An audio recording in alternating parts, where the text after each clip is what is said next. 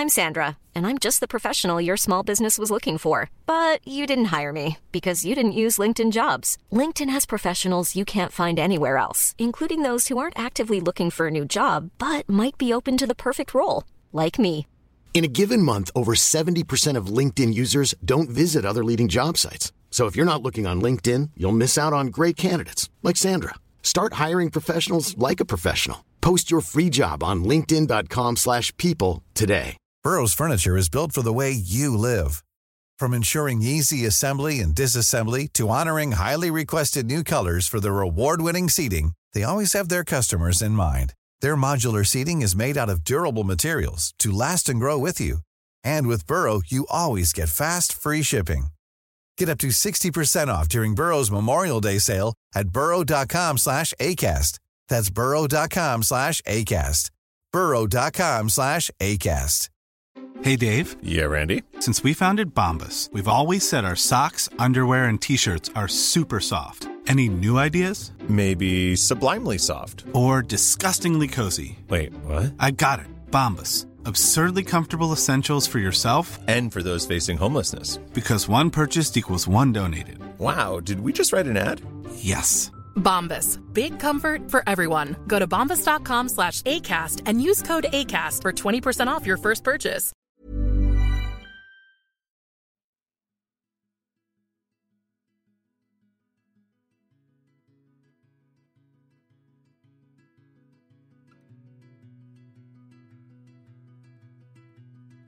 Hej och varmt välkomna till podden Sorgsnack. Det här är en podd som berör allt som har med sorg och förluster att göra. När livet inte blev som vi hade tänkt. När något oväntat händer och hela ens liv vänds upp och ner över en dag. Och när vi tvingas ta farväl av någon vi älskar. Min förhoppning är att genom podden bidra till att hjälpa andra människor, utbilda och sprida kunskap. Jag som gör podden heter Lia, är journalist i grunden och även certifierad handledare i sorgbearbetning. Idén till podden föddes ett år efter att jag förlorade mitt första barn. Det var början på mitt nya liv. Livet som nybliven mamma och samtidigt änglamamma.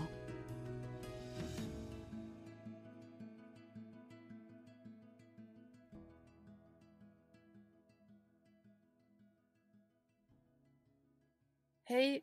Välkomna till ännu ett avsnitt av podden Sorgsnack. Idag har jag med mig en mamma, Jennifer, som förlorade sin son Colin för ungefär ett och ett halvt år sedan i en oerhört tragisk olycka. Hej Jennifer Hej, och varmt välkommen till podden. tack så mycket.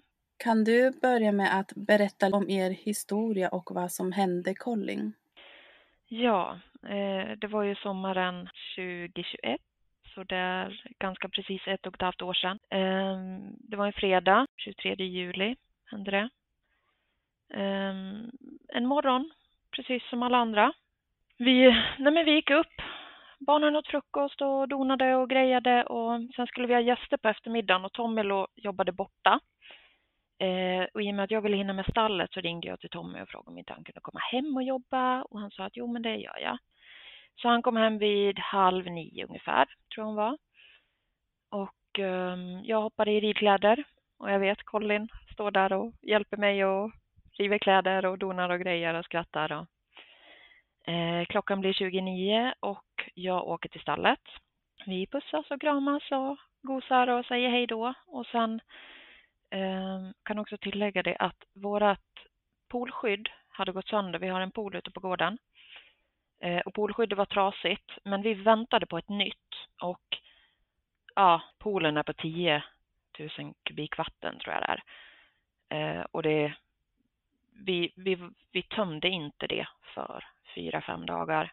Det skulle vi väl kanske efterhand ha gjort, men vi gjorde inte det. Men barnen var inne och Eh, jag åkte till stallet och Tommy låste efter mig så altandörren var låst och ytterdörren var låst just av det här. För att barnen skulle vara inne och jag åker till stallet och eh, har hoppat upp på hästen och så här. Eh, och sen så från stallet ligger ungefär 400 meter nedanför gården. Så jag hoppar upp på hästen och vi ska precis ut och rida och då ser jag uppe vid huset att det kommer en ambulans. Svänger in på vägen nedanför oss och sen ser jag att det kommer en till ambulans. Och sen tänker jag att ja, men det, det är väl kanske någon äldre så. Eh, och sen ser jag ambulansen backar ut och kör sakta utanför våran gård och där får jag en jättekonstig känsla. Just för att två ambulanser, jag vet att det brukar innebära hjärtstopp. Och jag ser även syrener blinka längre bort och det är väl brandbilen. Och där förstår jag att fan, någonting har hänt hemma hos mig. Eh, och jag vet inte, men jag, jag, jag, jag, vet att det är, jag vet att någon hemma hos oss lever inte när jag ser det här. I efterhand så jag, jag visste att det var Colin. Men jag sätter full fart på hästen och galopperar upp längs vägen.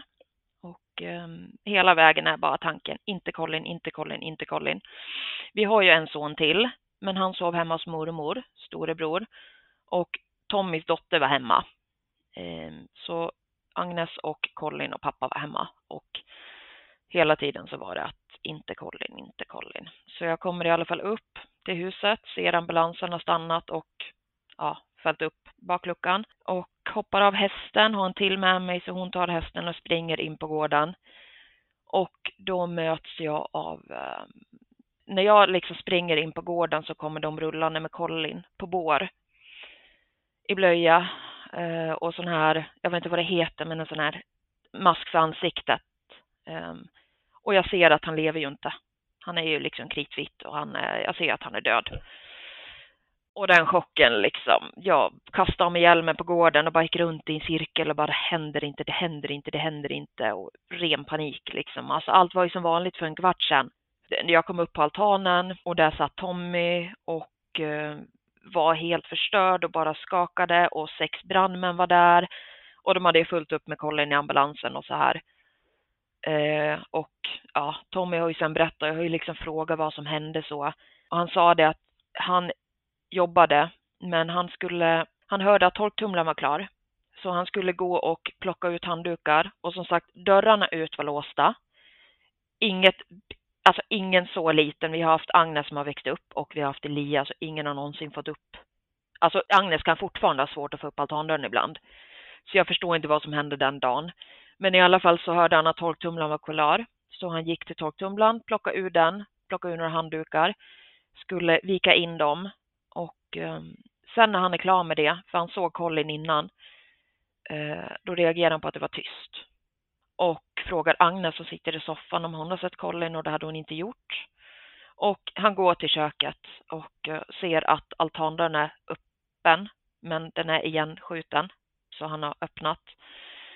Eh, springer ut och då ser han Colin ligga på poolen eh, och flyta. Och som sagt, ja, gått max tre minuter. Eh, men det går så oerhört fort när det är små barn i och med att de sväljer vatten. Eh, så han tar ju upp honom, eh, tar upp telefonen samtidigt och ringer 112 och han har ju då gjort hjärt och lungräddning på Colin i 12 minuter. Eh, tills brandmännen som var först på plats tar över. Så det var ju det som hände hemma, fick jag reda på efterhand. Men i alla fall, mormor kommer med Elias och så hon tar Agnes också. Så jag och Tommy åker med brandbilen ner till akuten och vi blir visade in till ett rum och en präst kommer och där börjar ju panikkänslan liksom att fan det här kommer inte gå vägen. Det kommer en präst för ja, men man, jag har haft med präster att göra och i min värld så var det att ja, men det är ju död och Colin levde ju inte.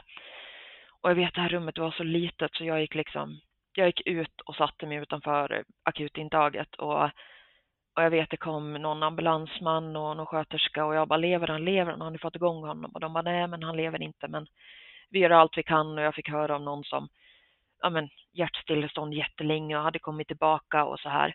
Och sen så i alla fall så ja, säger de ja men gå in till Tommy.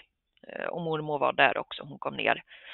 Så vi satt i rummet och sen kommer de in och säger då har det gått en timme och en kvart och berättar att vi har fått igång honom. Han lever nu. Eh, och där var ju hela vår värld tillbaka. Han var ju död, men han lever igen. Och alltså den lyckan, den går ju inte att beskriva och jag vet att han lever, han lever älskling, han lever liksom. Och jag och Tommy var ett överlyckliga. Så vi blev visade in till honom Alltså de, det är fullt med personal, det är säkert 10-12 stycken som står tryckta i ett litet rum vid väggarna. Så jag vet att jag får fem sekunder med Colin, mamma får fem sekunder och Tommy får fem sekunder. Eh, och sen så blir vi visade ut eh, i väntrummet igen och då kommer de och säger att det var, det var valet och kvalet mellan Falun och Uppsala. Tanken var först att de skulle till Biva Uppsala, men de hade fullt. Så då kontaktade de Falun, Falun men sen kontaktade de Uppsala igen och Uppsala skulle se om det kunde ge plats för Colin.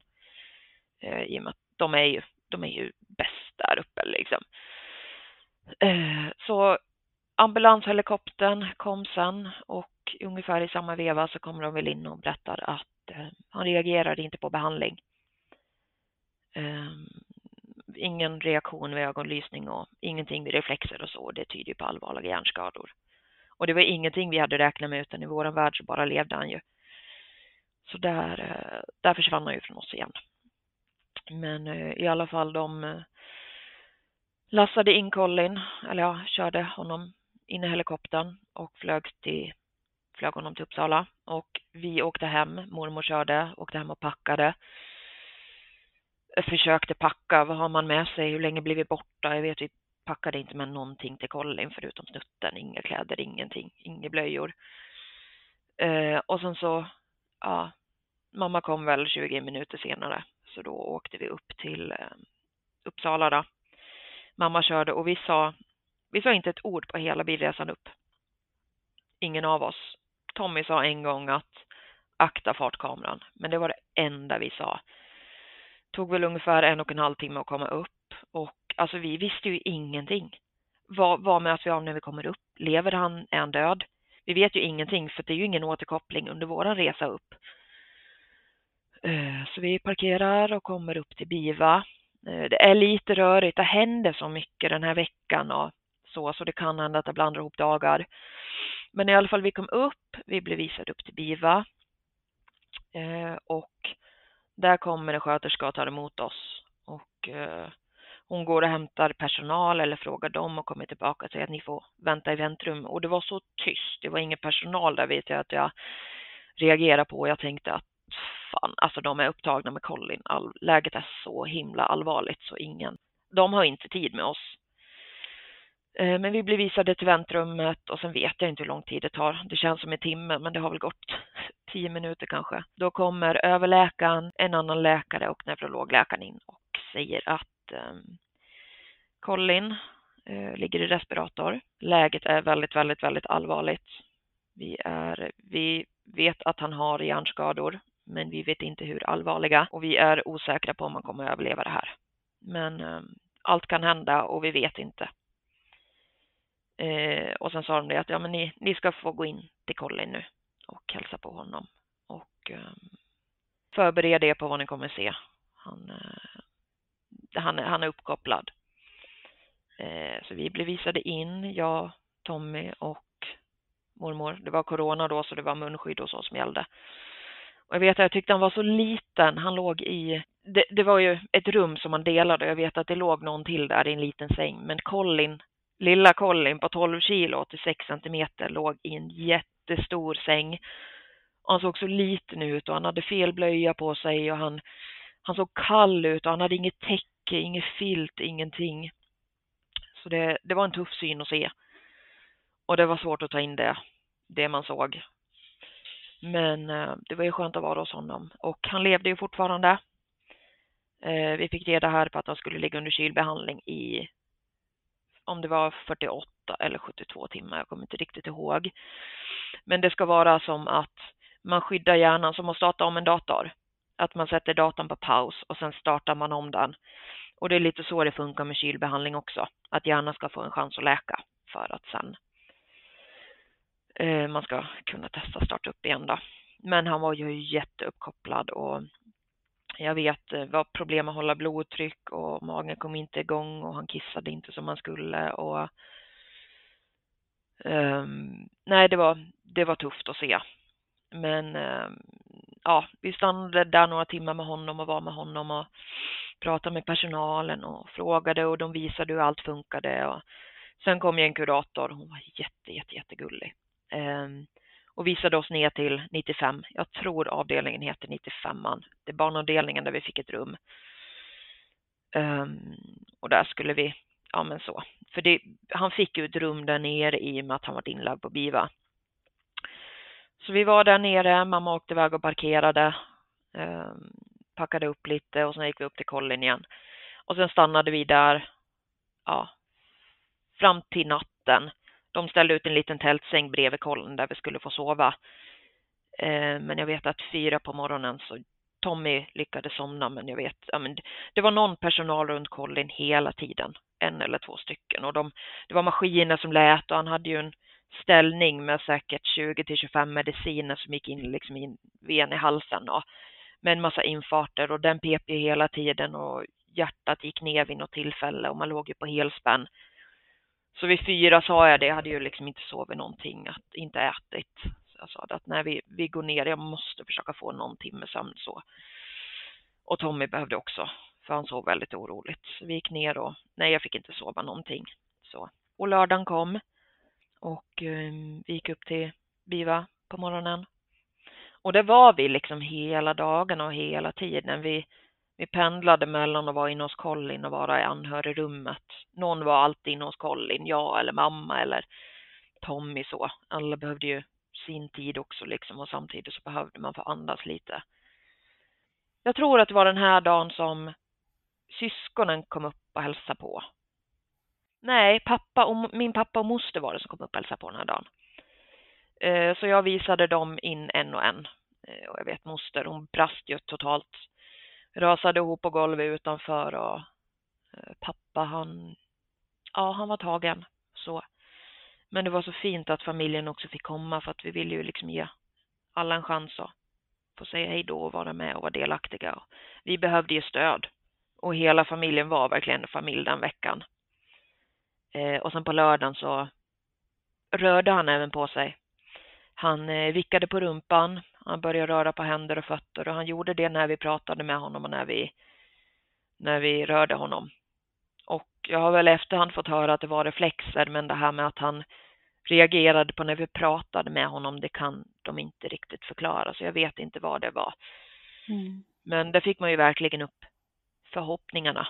Att, ja, och de sa ju det de också, att ge inte upp hoppet.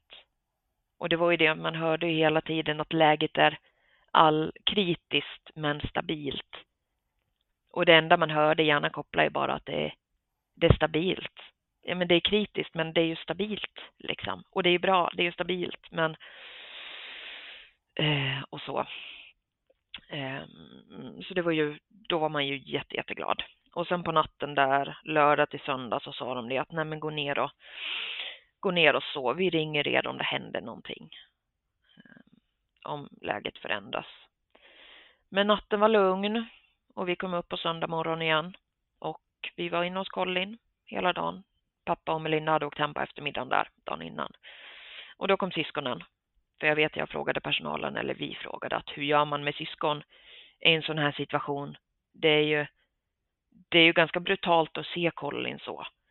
Men man vill ju inte ta bort dem från det heller. Hur gör man?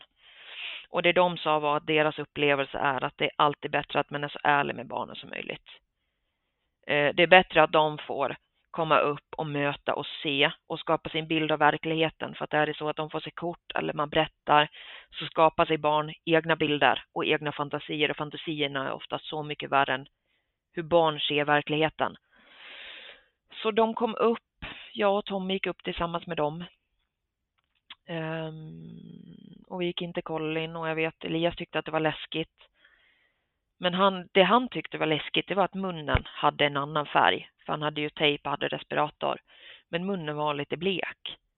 Och då hade liksom Colin, han hade slangar i ljumskarna, det var fötterna, det var halsen, det var ja men det var respirator, det var elektroder på huvudet som de hade satt dagen innan och men det fyraåriga Elias reagerade på det var, det var munnen. Så ehm, ja, ja men just hur barn funkar liksom. Och Agnes tyckte att det var lite läskigt, men hon, hon klappade lite på honom och petade lite på honom. Och jag vet Colin fick här en brandbil och nej, en ambulans och en helikopter av Elias. Och det begravdes han med sen. Men eh, de var där, jag fick en panikattack så jag fick gå ner till rummet och där satt jag och hulkade i fyra timmar. Jag hade ju fortfarande inte ätit och jag hade sovit i fyra timmar här tror jag. Eh, men dagen höll sig lugn, dagen höll sig stabil. Eh, och tanken var att de skulle väcka honom på kvällen, men de beslutade att göra det på måndag morgon så vi skulle få sova. Och då hade vi fått ett rum på Ronald McDonald på söndagen, så vi gick dit. Så vi sov där och sen så ringde vi sju på morgonen och höra eh, för hur det var med Colin. Och då hade de börjat väckt honom någon timme innan. De hade börjat värmt upp honom. För att under kylbehandlingen så låg han på mellan 30 32 till 34 grader och skulle ligga däremellan. Och nu skulle han bli varm, men de skulle, han skulle öka i temperatur en halv grad varannan timme. Så det behövde ske jätteförsiktigt och mycket reglering. Och ibland gick det lite fort och ibland lite sakta. Så det här skulle ju ta större delen av dagen för att komma upp i 37 grader. I kombo med att de skulle ta bort lite sömnmedel och sådär. Vi kom upp till Colin och nu fick vi egentligen krypa upp och ligga bredvid honom. Vi hade ju inte fått gjort det och han hade inte fått täcke på sig utan han, han, han skulle vara kall. Så vi kunde ju inte ligga där och värma honom. Och det var jättejobbigt för då har man i två dygn bara kunnat sitta bredvid sin ett och ett halvt åring liksom. Och man var ju nära men ändå så långt bort. Men i alla fall så började de väcka honom och vi frågade hur lång tid tar det och de sa nej men det kan ta, det kan gå fort och det kan ta lång tid och så. Eh, och timmarna gick, dagen gick. Jag tror att han åkte ner på en magnetröntgen den här dagen för att kolla hjärnan. Eh, och vi skulle få svar på måndag eftermiddagen. Men när eftermiddagen kom så vet jag att jag frågade dem, men när får vi svar? Varför har jag inte fått något svar? Och då berättade de att personalen som hade hand om det här hade gått hem. Men eh, så vi skulle bara få ett preliminärt besked idag och vi hade gått och väntat på det här beskedet hela dagen. Så det, det vart jag lite besviken över, men de sa det att vi, vi kan inte berätta detaljerat, men vi ser att det är stora, stora skador på eh, vänster och höger centrala hjärnhalva. Och det är ju det centrala längst inne som styr allt det här automatiska, som styr magen och som styr reflexer och allt det här som vi själva inte kontrollerar. Eh, och kvällen gick och ja, vi hoppades ju. Men eh, sen vid nio på kvällen tror jag, då vet jag att eh, jag och Tommy satt i i rummet och då var mamma inne hos Colin. Och då var det en sköterska som var ärlig och sa att han borde ha vaknat, han reagerar inte på vid ögonlysning, han eh, visar inte reflexer, ingenting. Det borde ha hänt så mycket som inte hade hänt. Och där rasade ju hela våran värld. Så mamma kom tillbaka och sa att Colin kommer inte klara det här. Eh, och där, där, där, där dog hoppet det här hoppet man klamrar sig fast vid liksom. Och det är ju en av de absolut värsta stunderna kan jag tycka. Den när, den när hoppet dog. För det hade man in i det sista. Eh, Så jag vet att vi var jätteledsna och jag gick inte kolla när jag frågade får jag krypa upp hos honom och de sa att ja men det får du göra. Så de gjorde plats med respiratorn och maskiner och jag fick äntligen krypa upp hos honom. Och mamma la sig sova i anhörigrummet och sen den natten så då, då började han bli dålig. Eh, jag vet att jag väckte mamma vid ett, ringde till pappa och sa att Colin kommer inte överleva, du, du måste komma hit imorgon. För ja, jag kände att vi behövde väl mer stöd liksom. Det var ju ja, ett sjunkande skepp. Eh, ena pupillen svällde, eh, vilket visade på att hjärnan, hjärnan höll på att svälla. Det, det var det som inte fick hända, men det hände. Så eh, ja, från ingenstans så det var fullt ös. De eh, jättemånga runt Colin och klockan var ett på natten. Han skulle rullas ner för CT och akutoperation och eh, det var, det var bråttom.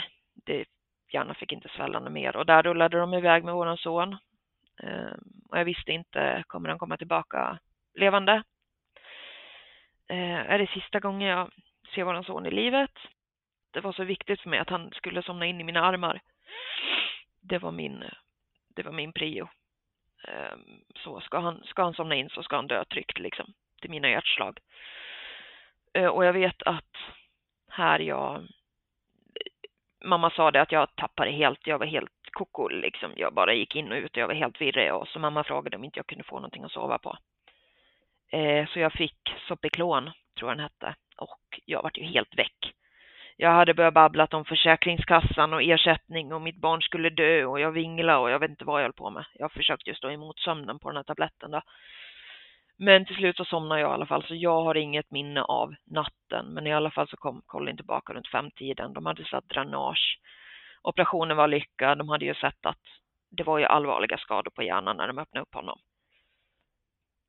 Men eh, mer preliminära besked skulle vi få på eftermiddagen för att det skulle göras en till magnetröntgen. Eh, och den här dagen hamnade jag och Tommy på psykakuten efter mycket bråk med personalen. Det fanns inte längre ett samarbete med psyket och BIVA. Så vi föräldrar stod ju egentligen utan. BIVA-personalen hjälpte oss jättemycket och var ett jättefint stöd, men det var ju Colin de vårdade och inte oss. Men efter mycket om och men så fick vi komma ner till psykakuten. Och vad tog mötet en kvart? Jag fick berätta vad vi gick igenom, Tommy fick berätta vad han gick igenom och vi fick mediciner utskrivna och sen var det bra. Tommy fick någon medicin och jag fick också skann utskrivet och det var liksom här, ta det här, varsågod. Så. Eh, och sen den här dagen så kom också våran präst som var på akuten och prästen, sjukhusprästen i Uppsala. Och på eftermiddagen så tror jag att svaret kom på magnetröntgen eh, och de sa att det är allvarliga skador då de tror inte att de kommer överleva det här. Gud, den här dagen är så himla luddig. Men jag vet att Tommy, pappa var ju kvar här den här natten så sov jag hos Colin och Tommy gick tillbaka runt midnatt för han, han kunde ändå sova på nätterna och någon behövde energi så. Så jag och pappa satt med personalen. Det här blev ju natten till eh, onsdagen. Vi satt och pratade med personalen där inne i två timmar, om inte fyra. Och här landade jag. Det var ju svart på vitt att han skulle inte klara sig. Det hade vi ju förstått så. Så jag satt där och jag kunde fråga dem var som helst. Vad skulle hända? Hur funkar det med respiratorn? Vad, vad funkar inte? Vad var det som funkar? Vad borde man sett? Vad innebar det här? Eh, och pappa och både personalen sa det att den här natten landade jag. Eh, någonstans så kom jag väl till acceptansen att han kommer inte överleva det här. Och jag vet att jag frågade dem när de kunde ta respiratorn och de sa att jag vet inte. Men jag sa det att kan ni snälla ta den på torsdagen för vi vill ha onsdagen. Vi, jag och Tommy behöver en sista hel dag, ett sista helt dygn tillsammans med våran son. Och bara få vara och bara få gosa och bara få njuta liksom en, en dag utan, utan panik. Bara, ja, en sista dag med våran son och de sa att det borde inte vara något problem. Eh, så på onsdag morgon så kom Tommy tillbaka. Jag hade sovit med Colin här det var så sjukt för att du kunde vara så stressad och jag hade så mycket ångest och panik och men så fort du kröp upp bredvid Colin så var det som att det var precis som att han bara överförde något lugn. Det var jätte, jättesvårt att förklara. Men i alla fall så tog vi hela onsdagen. Den var lugn, han höll sig stabil. Han kissade lite och ja, det var liksom ingen större grej som hände. Respiratorn skulle tas på torsdagen, var det sagt. Och sen på onsdagskvällen så började han visa positiva tecken igen. Det, det, här, det var lite så här att ja, men han visar ingenting och sen så kom de lite mer reflex där och så fick de hopp och så var man tvungen att undersöka och så nej, men det var ingenting och så visade han lite mer reflexer där så det var väldigt mycket fram och tillbaka, vilket var jättejobbigt. Så på onsdagen sa de det att vi måste göra en till magnetröntgen imorgon då innan vi beslutade om desperatorn. Och där var jag och Tommy nästan lite sura för att vi, alltså vi hade ju ställt in oss på det här. Det här att leva dag efter dag i hopp och förtvivlan, det var så, det var så jävla tungt. Till slut var det liksom bara, snälla säg bara vad som ska hända. Kommer den dö? Kommer den leva? Ge oss bara någonting. Ge oss bara ett fotfäste.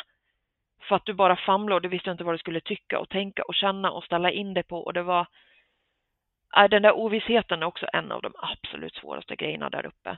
Men eh, kvällen kom, Tommy gick till Ronald och sov och jag klev upp med Colin. Och det var en jättefin dag, en jättelugn dag och den dagen minns man ändå med värme. Och sen kom torsdagen och vid tio så rullades han iväg till eh, MR eh, och skulle röntga hjärnan och kom tillbaka vid elva. Och sen vid tolv kom beskedet att det, han kommer inte klara det här det är för allvarliga skador då. Skulle han mot all förmodan överleva det här så kommer han, han inte ha ett drägligt liv. Och det sa jag och Tommy redan på akuten att kan han inte ha ett liv så ska han inte ha ett liv. Det ska ändå vara ett värdigt liv. Man ska ändå, ja, någon kunna göra någonting liksom när man ändå är ett barn så. Eh, så vi, de frågade vid tolv att kan vi ta respirator nu, men vi, just, vi sa det att nej, men ge oss en halvtimme och förbereda oss så tar vi den sen. Så vid halv ett så samlades vi allihop. Vi, de höll på att bygga om så vi delade rum, men vi fick komma till ett eget rum här. Eh, så pappa var där, Melinda var där, mamma var där, Tommy var där. Eh, och jag kröp upp i famnen och tog Colin i famnen. Ehm, och sen tog de bort respiratorn. Jag vet att jag tittar bort här. Jag, jag klarade inte av att se det. Ehm, och Tommy satt vid sidan av. Tommy hade inte velat hålla i någonting. Han kunde ligga nära och hålla handen, men han... Jag behövde ha honom så nära mig och ha honom i famnen medan Tommy var tvärtom. Så vi kompenserade varandra ett bra där. Ehm, så de tog respiratorn och jag vet att jag frågade hur lång tid kommer det ta och de sa att det kan inte vi svara på. Jag sa men vad tror ni? Och de sa att nej men det kommer nog gå ganska fort. Men jag sa att hur lång tid kan det ta? Och de sa att vi vet inte. Men jag sa i värsta fall hur lång tid? Och de sa att han kan hänga kvar i veckor. Och det var liksom shit, ja. Mm. Och vi, där sa vi hej då eh, till honom, hela familjen. Och just när vi sa hej då så du var någonstans tvungen att kliva ur dina mammors känslor för att klara av att säga hej då så var jag liksom tvungen att avlägsna mig från mig själv, gå ur min mammaroll lite grann psykiskt. För att annars, det, det hade inte gått annars. Men en halvtimme gick och en timme gick och en, en och en halvtimme gick och det stod rätt klart att han, han kommer kämpa på ett tag till. Och de sa ju det att vi kan ju inte behandla honom mer utan han blev ju palliativt bedömd, vilket är vård i livets slutskede. Då ska man ju göra allting så milt som möjligt fram till döden då. Så vi kom ner på 95an, fick komma till ett litet, litet rum. Det var, ja, det var jättejobbigt och jag kommer ihåg, det var, han låg i min famn hela tiden. Han gjorde det sen ända fram till han dog, förutom när jag skulle göra nödvändiga behov. Jag vet att vi rullades genom sjukhuset och Colin var ju döende. Det syntes ju på honom att han, han inte mådde bra. Det vet jag, det var en jättetuff grej för mig för att jag snittades med honom och sist jag rullades med Colin i en säng på ett sjukhus, det var efter kejsarsnittet när vi skulle åka ner till BB och livet skulle börja. Och nu rullades jag istället ner till 95an Men min son palliativt bedömde väntan på att han skulle dö. Så det är någonting som sitter jättehårt, den var jättejobbig. Vi kom i alla fall ner dit mamma var där och pappa kom och mammas sambo var där också för hon bodde sen på, hon hade bott på ett hotell någon dag sådär, jag tror moster kom hit, ja, hon var där en stund också, men hon åkte hem framåt kvällen, men ja, hon gosade med Colin en stund och sådär. Eh, och jag vet att jag tyckte att hans hår här var så flottigt. Han hade alltid rent och fräscht hår. Och de här blonda lockarna och jag... Det, jag sa att jag måste, ni måste tvätta håret på honom. Så jag vet att mamma, jag ville inte göra det, så mamma och personalen tog någon duschmössa och tvättade så han vart lite ren. Och, och jag vet, blöja var också jobbigt att byta och massera och tvätta och för att han var så lelös. Det var också en sån här jättejobbig grej hela vägen att han, han, var ju, han var ju helt slapp i kroppen.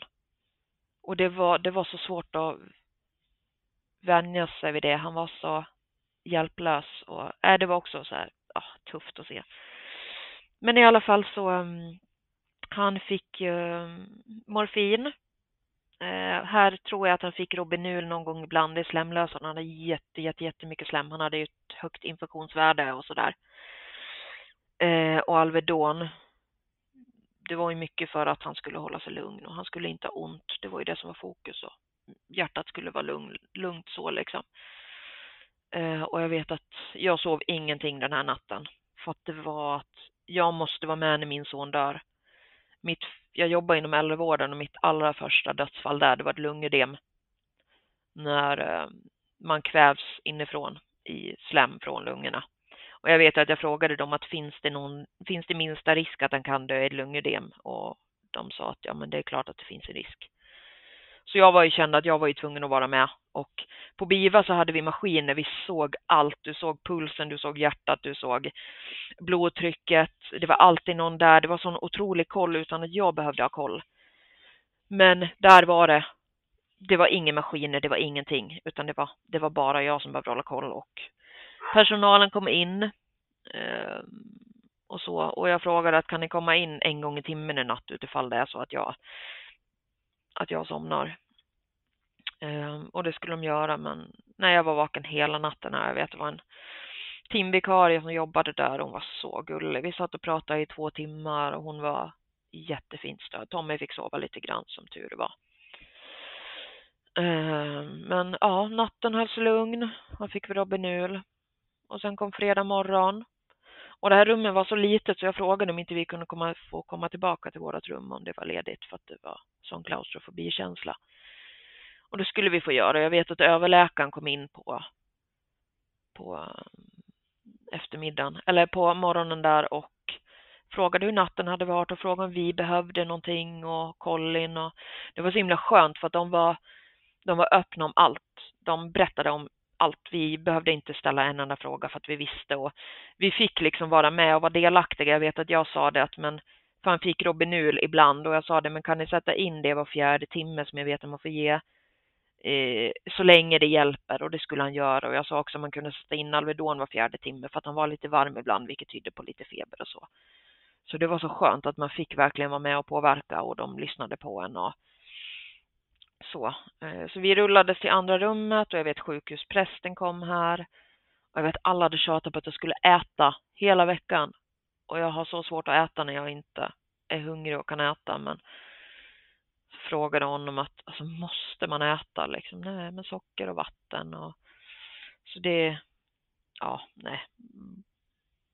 Det, så det var väl han var jättebra den prästen. Han eh, lugn och förstående och så.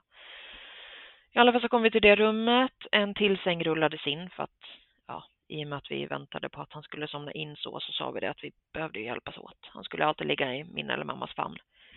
Så mamma skulle sova där med oss. Och eh, hela fredagen gick. Eh, så han var ju jätterosslig, han var jättedålig. Det var vi bara gosade och vi med så vi liksom så.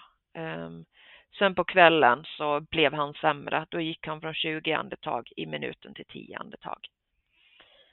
Och då ringde vi runt till familjen så de skulle få ett sista avsked, familj och nära vänner och så här.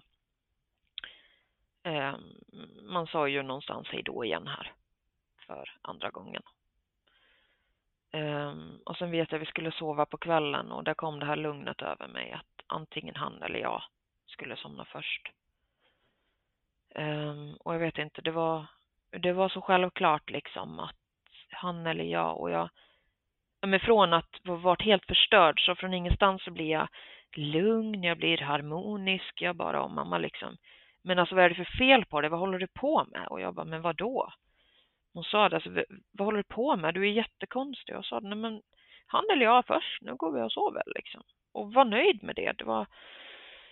Men eh, ja, jag tror inte att det var mina känslor utan jag är ju rätt övertygad om att det var Collins. Natten gick. Eh, jag var ju övertygad om att han, han är ju inte kvar på morgonen utan han skulle somna på natten när vi låg och sov.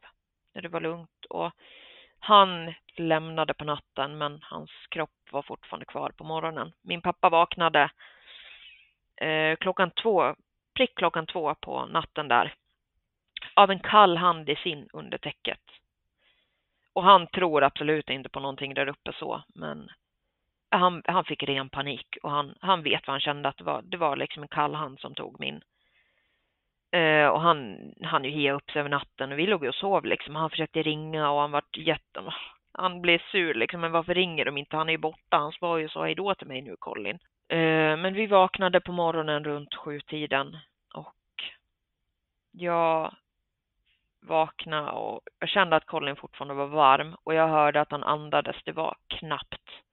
För det var så mycket slem, men han andades och här någonstans fick jag panik. Och sa det till mamma, jag måste ut, ta honom liksom, så hon tog honom. Och jag, jag kan inte förklara, men någonting var fel. det var bara, jag sa det om och om igen, någonting är fel, någonting är fel, det är inte rätt. Någon, jag vet inte vad det var, men någonting är fel. Det bara, någonting var fel och jag tror ju att det var att skalet var kvar liksom, men han var inte kvar så. 11.17 så eh, somnade han in. Han låg i min famn. Eh, jag vet att han älskade att lyssna på mina hjärtslag när han levde. Ofta när man skulle lägga honom, han var ju, flängde runt och jättebusig så, men alltid när han skulle sova så la han sig alltid väldigt nära mig och skulle alltid ligga med örat mot bröstet så han kunde höra ens hjärtslag liksom. Så eh, han somnade in i min famn. Tommy satt bredvid och höll handen och mamma var också där. Eh, och vi stannade väl till, vi fick stanna över natten också om vi ville och så. Och de sa det att ni får stanna hur länge ni vill. Och jag vet att mitt värsta moment var ju det här med att lämna sjukhuset. Lämna honom liksom. Och jag vet, jag frågade hur gör man? Och hon sa det att det enklaste brukar vara om ni lämnar så inte vi tar honom ifrån, så att inte han tas ifrån er.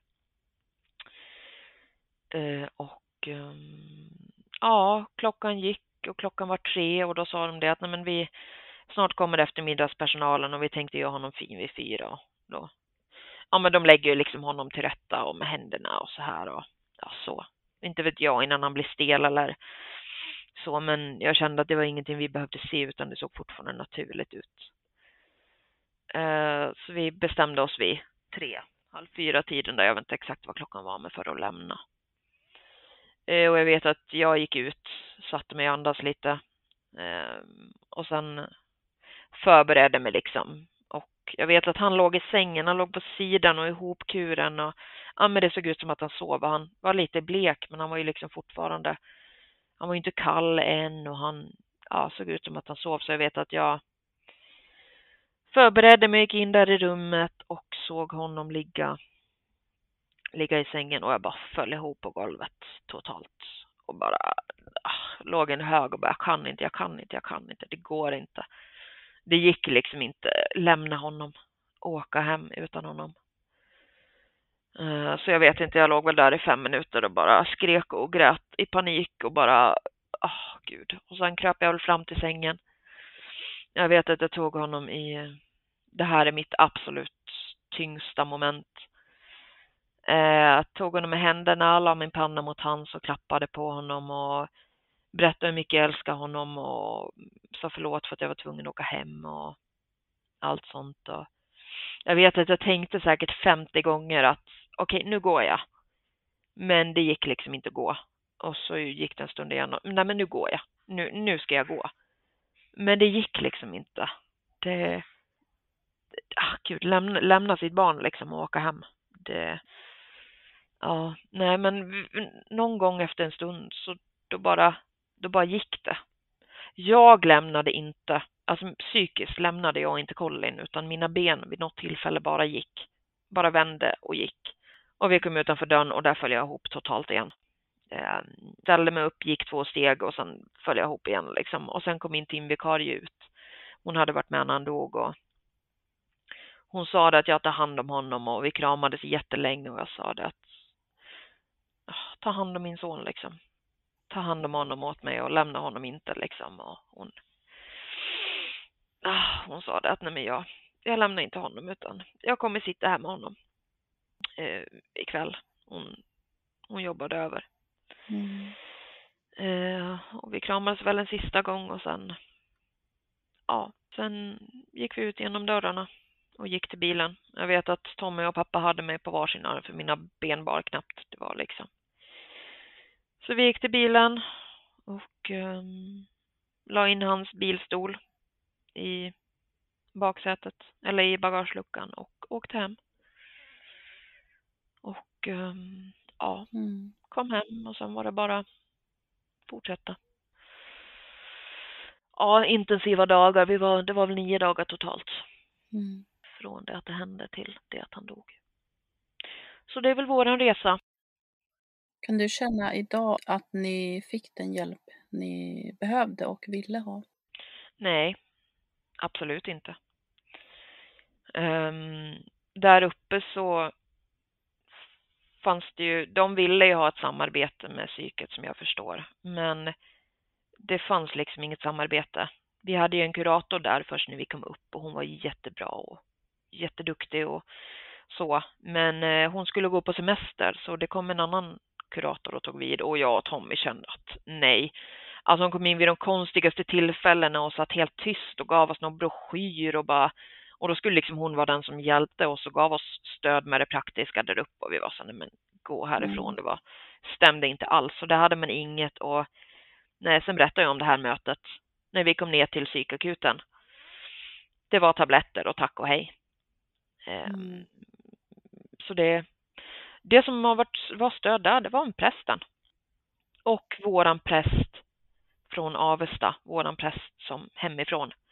Hon kom faktiskt upp och hälsade på två gånger på BIVA fast hon hade semester och hon sjöng för Colin och hon kom dagen efter på tisdagen där när vi eh, där när jag var borta så jag kommer inte ens ihåg henne. Och sen kom hon någon gång när jag låg ner och sov i en panikångestattack. Eh, eller efter det. Så eh, hon var väl största stödet, men där uppe fanns ingenting. Det var tabletter vi fick om vi behövde. Det snålades inte med det, tack och lov. Eh, nu säger jag inte att skriva ut det lätt så, men i den krissituationen så det var ändå skönt att den hjälpen fick man. Eh, och sen kom vi hem eh, och kuratorn hade ju här kontaktat våran vårdcentral. Så läkarhjälp fanns ju så när vi kom hem. Jag hade ju en, en samtalsterapeut som jag hade börjat prata med innan det här hände, två månader innan, så jag fortsatte hos henne.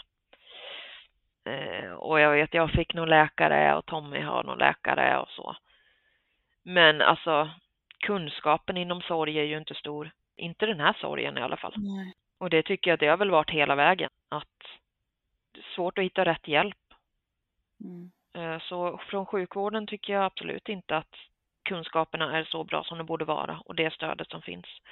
Sen kom ju vi hem på en lördag. Som jag förstod det så finns det något kristeam. Så kommer man hem en sån här gång i vardag så är de hemma hos en om det var någon läkare, präst, polis kanske. Jag vet inte, jag bara hörde talas luddigt om det. Nej, så från sjukvården har vi inte haft mycket stöd. Från omgivningen och vänner har vi haft ett otroligt och enormt stöd. Ja, det är ju fint ändå och tur det. Ja, och mitt största stöd det har väl varit prästen. Mm.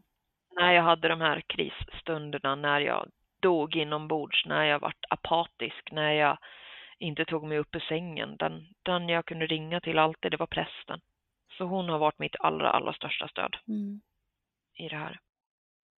Hur skulle du säga att sorgen ser ut idag? Hur skulle du beskriva den?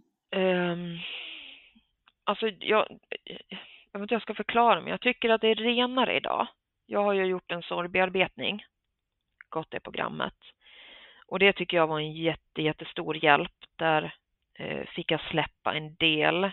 Eh, jag har ju haft väldigt, väldigt, väldigt mycket skuld. Att jag åkte hem, att vi tog respiratorn, att allt. Ja, men jag vet att det inte var mitt fel och jag var inte hemma och jag kunde inte göra någonting. Jag vet att det var en olycka och men just det här att jag kunde inte rädda min son liksom.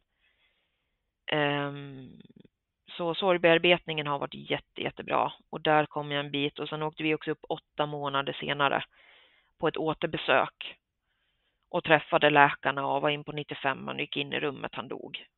Mm. Och där fick man också släppa vissa bitar. Det var precis som att men det här med respiratorn, den skulden kunde man lämna kvar där. Så mm, det är lättare idag i och med att man har bearbetat mycket. Vi har ju bemött. Vi har inte skjutit under mattan utan vi har tillåtit det att göra ont. Vi har tillåtit det att vara så som det behöver vara. Och mm, någonstans mm, låta sorgen ta plats. Precis, mm. den har fått tagit precis så mycket plats som den behöver och det har fått tagit tid och det känner jag har varit en jättehjälp. Sorgen tycker jag inte är jättejobbig idag utan det det som är idag, det är saknaden. Den tycker jag är jättejobbig och tomheten, det här ekandet i allt. Jag vet Elias var och började åka slalom häromdagen och vad man än gör så ser man ju liksom, föreställer man sig Colin. Sängen är tom, platsen är tom. Jag kan ju fortfarande känna en skuld för att jag lever och inte han. Jag tycker också att saknaden är mer ren. Alltså när man var i sorg och i krisen, det var så, det var så mycket det var så mycket olika tankar och det var så många bitar som man visste varken bu eller bä. Man kunde inte identifiera någonting utan det var, det var bara en enda soppa i panik och kris och bara allting var bara för övermäktigt. Mm. Men idag kan jag liksom känna att det, idag är det saknaden som gör ont. Och idag har man bra dagar, man har bra perioder, man, men man faller ibland. Och man faller, jag tycker att ja, men de här riktiga rasen, det är sällan det händer nu, eller sällan, ja, en gång varannan vecka kanske, men rasen är hårdare, men de kommer glesare. Mm. Vi har bra dagar, vi har glada dagar, vi njuter av Elias till fullo idag, vi njuter ändå av livet, vi kan ha bra stunder. Men sen vissa dagar så är det precis som att det bara sköljer över en och allting kommer ikapp. Det går ett par dagar, sen börjar min ångest komma och när jag har, när min ångest kommer, då är det att då ligger locket på, då är det för mycket som ligger och pyr. Eh, så idag tycker jag att när det väl kommer, då, då är jag helt förstörd i fyra, fem timmar. Jag bara gråter och gråter och gråter och tar mig knappt ur sängen och det är liksom, ja, och då tillåter jag allt att komma. Jag tillåter det att göra så ont det behöver. Jag tillåter varenda tanke att bara finnas och existera. Mm. Eh, och brukar passa på att låta de här tillfällena finnas när Elias inte är hemma. Utan jag är sån att jag behöver, mår jag dåligt då behöver jag vara själv. Man har kommit långt men det är lång väg kvar. Mm. Skulle jag Ja. väl säga. Ja, det är ju någonting man ska orka klara av att leva med resten av livet. Resten av Mm. ens liv såklart. Så. Mm. Ja. Eh, Men ja, jag kan förvånas över att det tar sån tid. Jag förstår ju att det gör det, men ja, jag trodde inte att smärta kunde vara, göra så ont. Och jag trodde inte att bearbetning kunde ta sån tid. Ibland kan jag fortfarande förvånas över att det gör så himla ont stundtals fortfarande. Mm. Samtidigt som det finns ju ingen tidsaspekt och det kommer ju vara mer eller mindre tomt resten av livet liksom. Någon kommer ju alltid fattas i allt. Vad skulle du vilja skicka med till någon som lyssnar på det här och eh, befinner sig i en liknande situation eller har precis gått igenom eh, en svår förlust? Ja, ja gud. Alltså det är väl, alltså släpp press. Släpp måsten liksom. Släpp, eh, ja men om, om man kan så liksom släpp vardagen och tryck inte bort känslorna. Det gör jätte, jätte, jätte, jätte ont men tillåt dem att finnas där liksom. Våga känna och framförallt våga be om hjälp.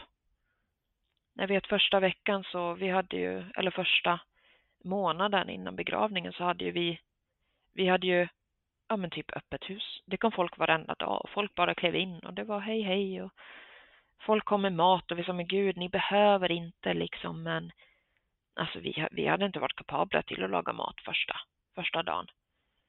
Eh, folk, ja men mamma och moster kom mycket och tog med Elias ut och vi sa men ni behöver inte. De sa men det är klart att vi är det och vi, ja, det våga ta emot hjälpen om någon sträcker ut en hand.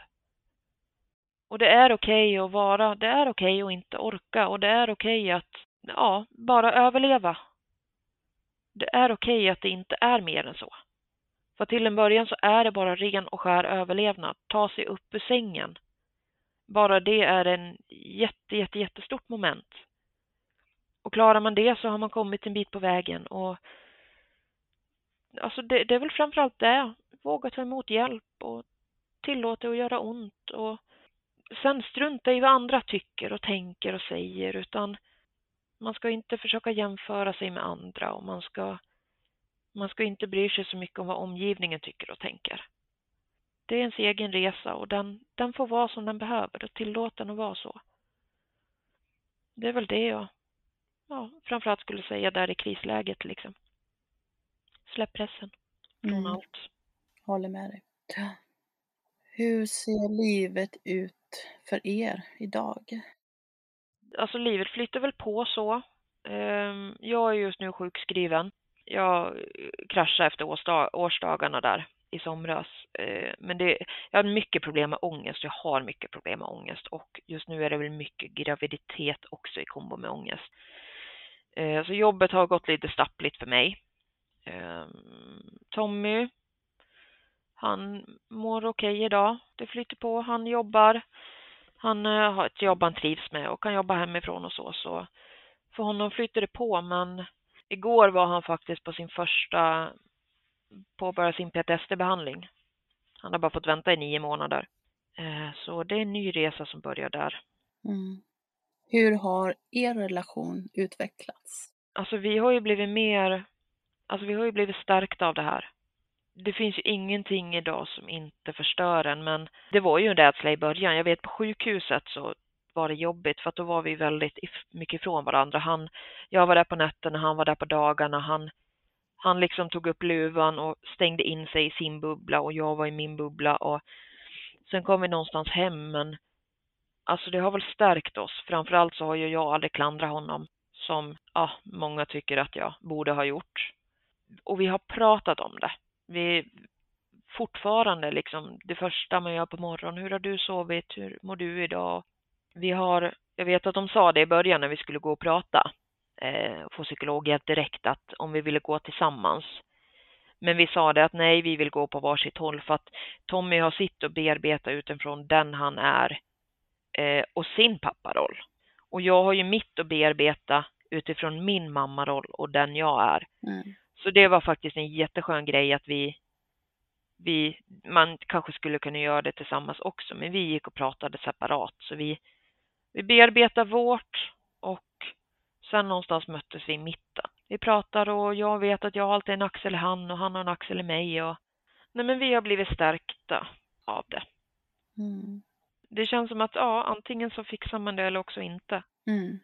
Det är ju de två vägarna som finns egentligen. Ja. Jag tror ju också det, men vi håller ihop och vi håller ihop och som sagt, vi väntar ju en till nu. Mm. Eh, blandade känslor. Men det är så skönt att alltid vara alltid vara två i det liksom. Nej men alltså man har ju tänkt så, men gud tänk om det skulle ta slut. Då skulle man stå där själv. Hos den andra så finns ju alltid en förståelse, någon som förstår, någon som finns där. Han vet ju vad jag känner och hur ont det gör för mig när jag inte, utan att jag behöver säga något och vice versa. Nej, vi har, vi har hållit ihop. Det har varit tufft stundtals, men vill man så kan man, tror jag. Ja, ja men såklart. Jag tror nog att det är så för alla att det går även om man håller ihop och man stärks av det så har man ju också sina dagar så det går ju upp och ner. Mm. Det viktiga är ju att man tillåter sig vara som man är mm. På det sättet man är då i relationen och just det här att det är viktigt och bra att man förstår varandra. Mm. Eh, respekterar varandras känslor och, mm. och tankar. Mm. Mm. Och ge utrymme för den andra. Jag vet, vi har ju gått mycket om lott Mår jag dåligt mår han bra och tvärtom och det är så vi vaknar. Mm. Så det har ju varit så att en, en orkar ju alltid vara den starka för den andra. På något konstigt sätt, inbyggt nästan. Jag vet att vaknar jag en morgon och mår riktigt bra, då vet jag att ja, men Tommy har en skita utan att jag ens behöver fråga. Och han en toppen morgon och vaknar en jättebra dag och ja, men han behöver inte fråga mig heller för han vet att då har jag en skita. Så vi har gått om lott och det gör vi fortfarande. Och det är lite skönt för att då finns alltid någon Elias. Liksom. Någon orkar alltid vara glad där. Mm. Så vi, nej, man försöker hitta en balans. En fungerande balans i det nya livet. Mm. Tack för din berättelse och för att du ville ja. dela med dig.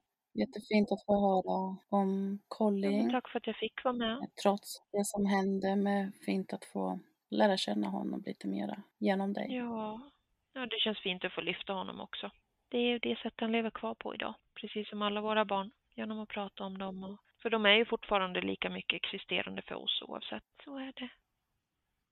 Ja, men tack och jag får verkligen önska dig och er lycka till med tack. lilla bebisen som kommer också.